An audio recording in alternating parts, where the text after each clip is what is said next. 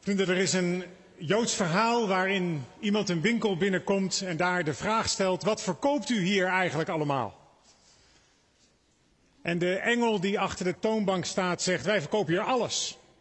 Wat u maar wilt. Waarop de man zei: nou, doe maar dan maar vrede op aarde. Gerechtigheid voor iedereen. Einde aan armoede. Een, een woning voor alle vluchtelingen. En de engel zegt: nou, wacht even. Dan begrijp je me niet helemaal goed. Wij verkopen hier geen vruchten. Wij verkopen hier alleen zaden. En daar wil ik vanmorgen met je bij stilstaan. Bij het zaad wat in de Bijbel de graankorrel wordt genoemd. En dat wat Jezus daarover te vertellen heeft aan jou, aan mij, aan het begin van een week die als titel heeft Onderweg met Jezus. Het gaat vandaag over sterven. Lees maar met me mee in het evangelie dat Johannes geschreven heeft, Johannes hoofdstuk 12, vanaf vers 20. Nu was er ook een aantal Grieken naar het feest gekomen om God te aanbidden. Zij gingen naar Filippus uit Bethsaida in Galilea en vroegen of ze Jezus konden zien. Filippus ging dat tegen Andreas zeggen en samen gingen ze naar Jezus. Jezus zei, de tijd is gekomen dat de mensenzoon tot majesteit wordt verheven. Werkelijk, ik verzeker u, als een graankorrel niet in de aarde valt en sterft, blijft het één graankorrel. Maar wanneer hij sterft, brengt hij veel vruchten voort. Wie zich aan zijn leven vastklampt, verliest het. Maar wie in deze wereld zijn leven loslaat, behoudt het voor het eeuwige leven. Wie mij dient, moet mij volgen. Waar ik ben, zal ook mijn dienaar zijn. En wie mij dient, zal door de Vader geëerd worden. Nu slaat de angst mij om het hart. Wat moet ik zeggen? Vader, laat dit ogenblik aan mij voorbij gaan. Maar hiervoor ben ik juist gekomen. Laat nu zien hoe groot uw naam is, Vader. En toen klonk er een stem uit de hemel. Ik heb mijn grootheid getoond en ik zal mijn grootheid weer tonen. De mensen die daar stonden en dit hoorden, zeiden: Een donderslag.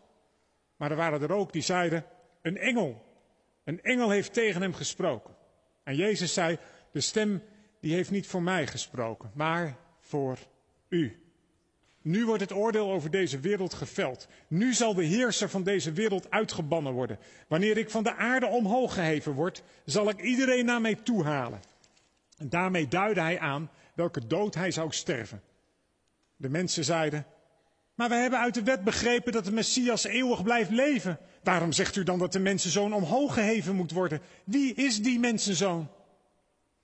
Nog een korte tijd is het licht bij u, antwoordde Jezus.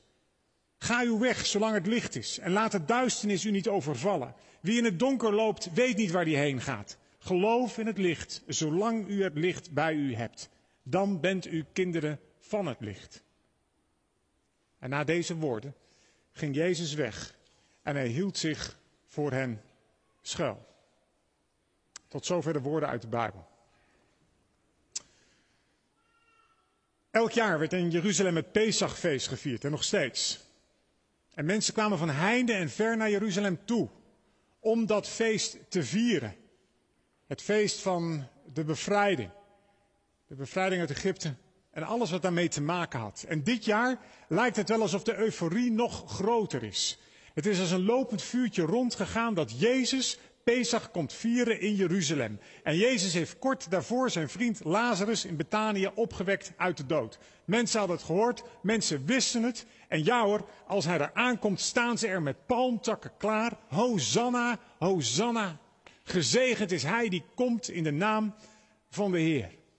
Het is zelfs zo dat Jezus een soort internationale doorbraak heeft gekregen. Het gerucht is verder gegaan en er zijn Griekse mensen en die denken, ja, hoe, hoe doe je dat eigenlijk? Bij, bij hem terechtkomen, bij Jezus. Hey, ik ken wel iemand. Wat? We gaan naar de, naar de discipelen. En, en die discipelen die moeten ons dan maar een handje helpen. Ze gaan naar Filippus en die gaat naar Andreas en samen gaan ze naar Jezus. Is dit de flow waar we op hoopten? Is dit het moment dat Jezus eindelijk na al dat ploegen, na al dat onkruid wieden, na al dat zaaien mag gaan oogsten? Is het waar geworden wat de fariseeën telkens zeiden? De hele wereld loopt straks achter hem aan. Ja. Nou, wat is het antwoord? Van Jezus naar de Grieken.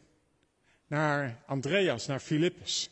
Die vragen, mogen die Grieken een handtekening van u? Dit is het antwoord. Vers 24.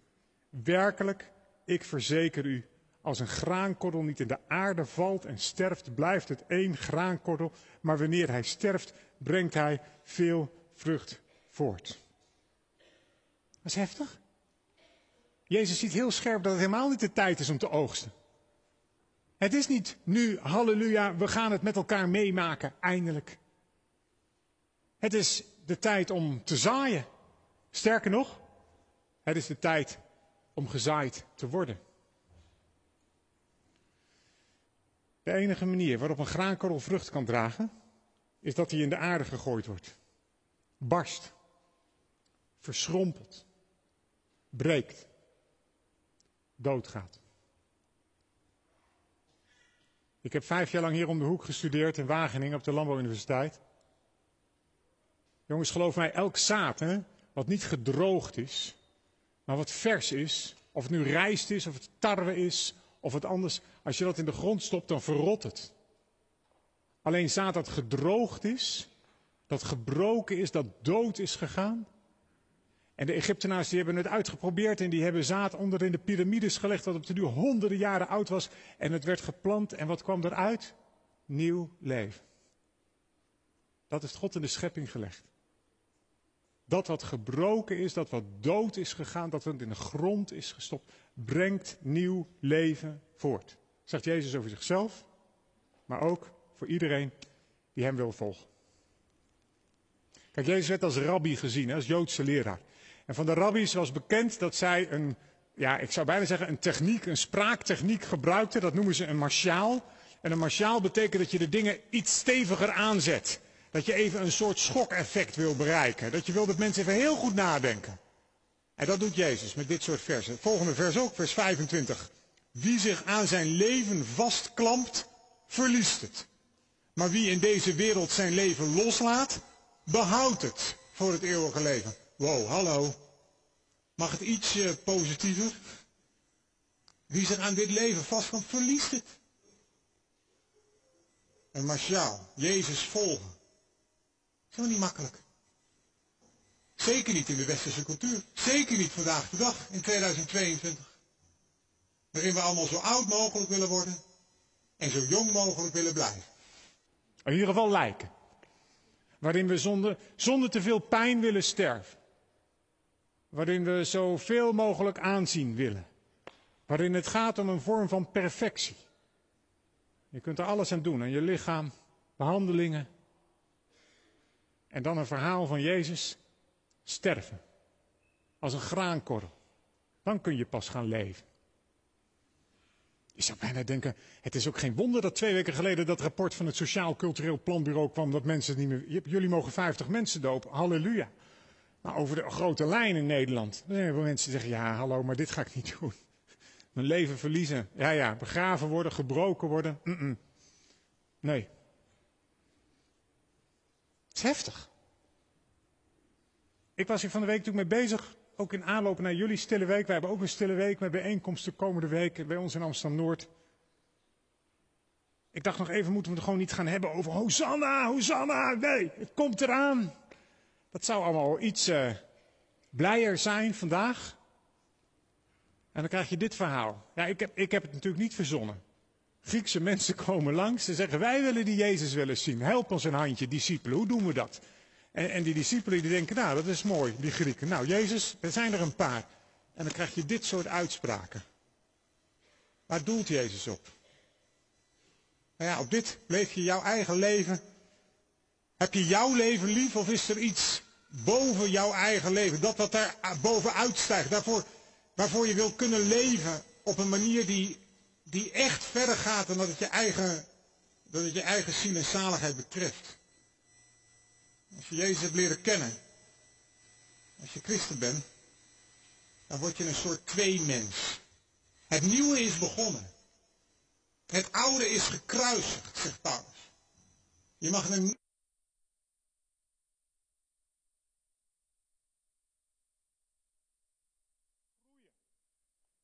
Maar die oude graankorrel die sterft af en af en af. En het risico op pijn en teleurstellingen in dit leven is groot voor ons allemaal. Je wordt als het ware heen en weer gegooid. En in ieder geval geldt dat in dat proces van die twee mens je het doel heel duidelijk voor ogen moet houden. Het einddoel. En dat is vrucht dragen. Voor hem. Je bestemming. Iemand zei eens een keer, unless you find something worth dying for, you're not really living. Je leeft pas echt als je iets gevonden hebt wat het waard is om je leven voor te geven. Die twee mensen in ons, die jij kan hebben, die ik heb, die had Jezus ook. Hij staat er aan één moment nog vier, hè? Eerst begraven worden, de graankorrel moet gezaaid worden, dan komt er nieuw leven. En het vers daarna, vers 27, heel eerlijk, nu slaat de angst mij om het hart. Ik ben doodsbang. Wat moet ik zeggen? Vader, laat dit ogenblik aan mij voorbij gaan. Maar ja, hiervoor ben ik nou net gekomen. Zie je dat Jezus heel goed doorheeft wat zijn doel is? Wat zijn eindbestemming is? Hier ben ik voor. Dit is de missie van Jezus in één zin. Hier ben ik voor gekomen om u te verheerlijken.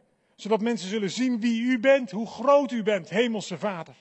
Laat mij nu zien hoe groot uw naam is. En dan bedoelt Jezus dus niet door mij, door mij te behoeden hiervoor, door toch voor de comfortzone te kiezen en dit sterven aan me voorbij te laten gaan, maar dwars door het lijden heen. En om die bestemming ten volle te bereiken, wil Jezus de prijs betalen. Unless you find something worth dying for, you're not really living. En als Jezus dan vervolgens bidt tot zijn vader, laat nu zien hoe groot uw naam is, vader, dan antwoordt God de vader, we lazen dat net, vers 29, met een donderslag. Het kan bijna niet anders, of hier zitten ook wel mensen die vroeger geleerd hebben dat als het onweert, dat de Heere God dan spreekt. Ken je dat? Mijn ouders vertelden het altijd. Wij moesten altijd stoppen met spelletjes spelen, we mochten geen films meer kijken. En als het echt hard ging onweren, dan werd het heel rustig in huizen te brinken. En dan waren we vol ontzag voor de Heer. Ik, ik denk niet dat dat helemaal zo is, maar ik heb er geen verkeerde herinneringen aan. Het was eigenlijk wel bijzonder. Dat je een soort momentje stil werd. Het komt hier vandaan, uit deze tekst. Dus de, de, de Heer spreekt en mensen die denken, hé, wat hoor ik nou? En de een zegt, het is een donderslag. Je hoorde je dat? En de ander zegt, nee, het was een engel. Het was een engel die tot hem sprak. En Jezus zegt vervolgens, nou, wacht even, sprak niet tegen mij, tegen jullie. Dit is wat hij, dit is wat hij wil zeggen, die God dat de graankorrel mag sterven. Ja, en dan komen er nog een paar van die heftige woorden. Willen die Grieken mij zien? Nogmaals, dit hele stuk is een antwoord op Andreas en Filippus die voor Jezus staan. De Grieken willen u zien. Willen de Grieken mij zien? Ze zullen mij zien als ik omhoog geheven word. Aan een kruis. Als ik alle mensen van de aarde naar me toe zal trekken sluit aan bij wat in het Oude Testament al voorzegd werd. En de vraag voor jou en voor mij is: wil je Jezus in die omgekeerde, in die omgekeerde beweging volgen? Omhoog geheven worden. Tot zegen van andere mensen aan een kruis. Eerst sterven. Wie zijn leven lief heeft, die verliest het. Maar wie het in deze wereld kan, zijn leven loslaten die zal het voor het eeuwige leven behouden. Poeh. Nogmaals, de Grieken kwamen langs. Ze wilden Jezus wel zien, ontmoeten. Maar in de reactie van Jezus met al die geladen spreuken maakt Jezus duidelijk dat hij niet zomaar even te ontmoeten is. Dat je hem niet even kunt leren kennen. Dat je niet een beroemdheid bent waar je even langs gaat om een handtekening te halen. Dat je niet je graantje even meepikt. Niets van dat alles. Wie hem wil zien, wie hem wil ontmoeten, die wordt opgeroepen om één weg te gaan. De weg van de graankorrel. Jezus die beschikbaar is ten volle voor jou. Als je hem echt wil dienen. Niet snel even oogsten, maar bereid zijn om te ploegen, om te zaaien, om gezaaid te worden. Daar ga je van de week hopelijk op bezinnen. Volgende week zondag, vrienden, dan barst het hier weer uit in de Gloria. En dat is goed. Als je echt wil weten waarom je volgende week kunt dansen, waarom je volgende week kunt vieren, waarom je volgende week halleluja in de Gloria kan zijn, dan moet je weten waar je van gered bent. En van de week is een week van bezinning. Onderweg met Jezus. Sterven aan jezelf.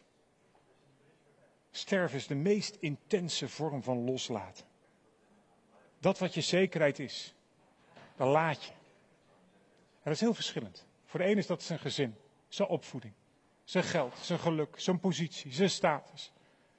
Maar het kan ook die zonde zijn waar je aan vast blijft zitten. Het kan ook je slachtofferrol zijn. Allemaal dingen waar je je aan vast kan klampen, vast kan houden. En de vraag op deze zondag is, mag het sterven de komende week? En vertrouw je jezelf toe aan het, ja, aan het onbekende in plaats van aan datgene waaraan je je vastklampt? En het goede nieuws van het onbekende is dat het God zelf is, die in Jezus naar deze aarde kwam en die jou is voorgegaan. Die mij is voorgegaan, die weet waar je doorheen gaat als iets moet afsterven. Die net als jij gezegd heeft, moet dit nou, Heer? Zal ik vragen, Heer, laat dit gebeuren? Poosje later, Gethsemane, laat deze drinkbeker aan mij voorbij gaan. Jezus voelt wat jij voelt en ik voel. Moet het zo? Kan het iets lichter? Vrienden, als je de weg van de graankorrel op je laat inwerken, dan valt op dat de focus uiteindelijk helemaal niet ligt op sterven. De focus ligt op bloei. Dat er iets nieuws mag gaan gebeuren. Ik ga je niet de put in praten vandaag. Dat is ook niet wat het evangelie doet. Ik vertel je de antwoorden, we lezen ze samen, die Jezus geeft op mensen die zeggen, hé, hey, we willen hem wel zien. Mensen die zeggen, we willen Jezus zien. Dat, dat Jezus dan met deze antwoorden komt. Maar de focus ligt niet op het sterven zelf. De focus ligt op dat er nieuw leven mogelijk is. Dwars door onze sores heen. Dwars door ons sterven heen. In die twee mensen waar jij en ik mee te maken hebben zolang we hier op aarde wonen. Dat er steeds minder is van die nadigheid. Steeds minder van zonde. Steeds minder van ik. En steeds meer van hem. Juist door te sterven. Sterven aan je oude bestaan. Komt er ruimte voor iets nieuws. Een nieuwe manier van leven. Die er echt wel anders uitziet. Een leven dat werkelijk vrucht draagt. En ik wil je oproepen om je de komende weken erin te oefenen. Om oude patronen om te zetten in iets nieuws. Dat gaat niet van de een op de andere dag. Waarschijnlijk is het niet zo dat je volgende week, tweede paasdag, denkt van nou, dat is aardig gelukt. Vorige week de hele boel naar de graf gebracht en nu begin ik eindelijk wat het nieuws. Het is een leven lang leren. Het is ook heel modern, toch? Leven lang leren. Gediplomeerde christenen bestaan niet. Je komt er niet, je bent er niet. Maar er komt steeds meer van Jezus Christus in jou. En dat betekent steeds meer van zijn geest. En dat betekent steeds meer leven, omdat het oude begraven is. Ik sluit af met een paar praktische toepassingen. En ik hoop dat er eentje tussen zit, die je, die je herkent. En ehm, ik heb afgesproken met de mensen hier in Mozaïek. Van de week krijg je deze punten ook nog wel naar je toe. Ik weet niet precies hoe jullie dat doen, via een mail of een app of wat ook. Maar het komt naar je toe. Eerste is deze. Sterf aan het zorgen maken. En groei in vertrouwen. Ben jij zo iemand die zich altijd zorgen maakt? Laat dat dan van de week eens een punt zijn van gebed in deze stille week. Sterf aan het zorgen maken. Altijd maar weer. Oh, maar als dit, oh, als dat. Dat kan je belasten, toch? Zou je er niet vanaf willen? Sterf eraan. Zodat er iets groeit. Wat zegt de Bijbel in Filippenzen 4, vers 6? Wees over niets bezorgd, maar vraag in alle omstandigheden aan God wat u nodig hebt en dank Hem in al uw gebeden. Dat. Tweede. Sterf aan gemopper. En groei aan goede woorden en aan waardering. Wat kunnen we soms negatief in het leven staan? Zagrijnig over dit en over dat. Weet je wat de Bijbel zegt in Lucas 6? Heb je vijanden lief. Wees goed voor degene die jullie haten. Zegen wie jullie vervloeken. Bid voor wie jullie slecht behandelen. Makkelijk, dat staat er niet. Het is hartstikke moeilijk. wordt slecht behandeld, je wordt onterecht behandeld. Zegen hen, bid voor hen.